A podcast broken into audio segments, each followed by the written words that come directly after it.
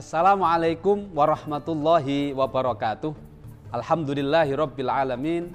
Alhamdulillahilladzi ja'alana minal muslimina wal mu'minin. Asyhadu an la ilaha illallah wa asyhadu anna Muhammadar Rasulullah sallallahu alaihi wasallam. Amma ba'du. Para sahabat salam yang saya cintai.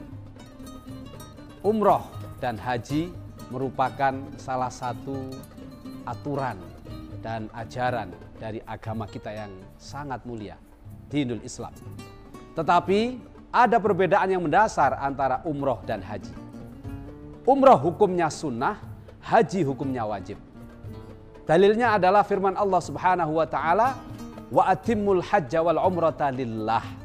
Sempurnakan haji dan umroh itu semata-mata mengharap ridho Allah Subhanahu wa taala.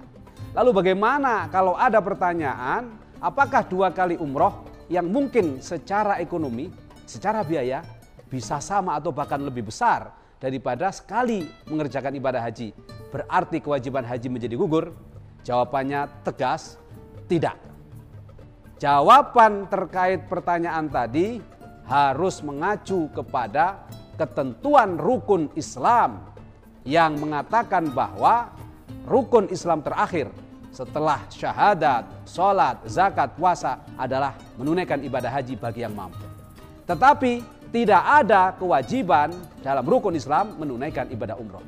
Oleh karena itu hukum umroh adalah sunnah bagi yang mampu. Nah kalau orang itu sudah umroh dua kali atau bahkan sepuluh kali, apakah kewajiban untuk berhaji gugur? Sama sekali tidak.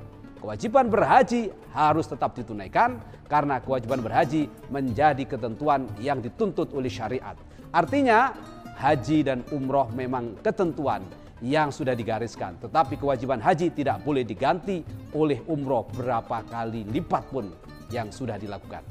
Itulah yang menjadi ketetapan ajaran agama Allah Subhanahu wa taala. Semoga kita bisa meneladani Rasulullah Shallallahu alaihi wasallam dengan menjalankan sunnah-sunnahnya dan senantiasa menjaga iman Islam hingga akhir hayat kita. Sahabat salam yang saya banggakan, demikian yang bisa saya sampaikan. Terima kasih atas segala perhatian. Wassalamualaikum warahmatullahi wabarakatuh.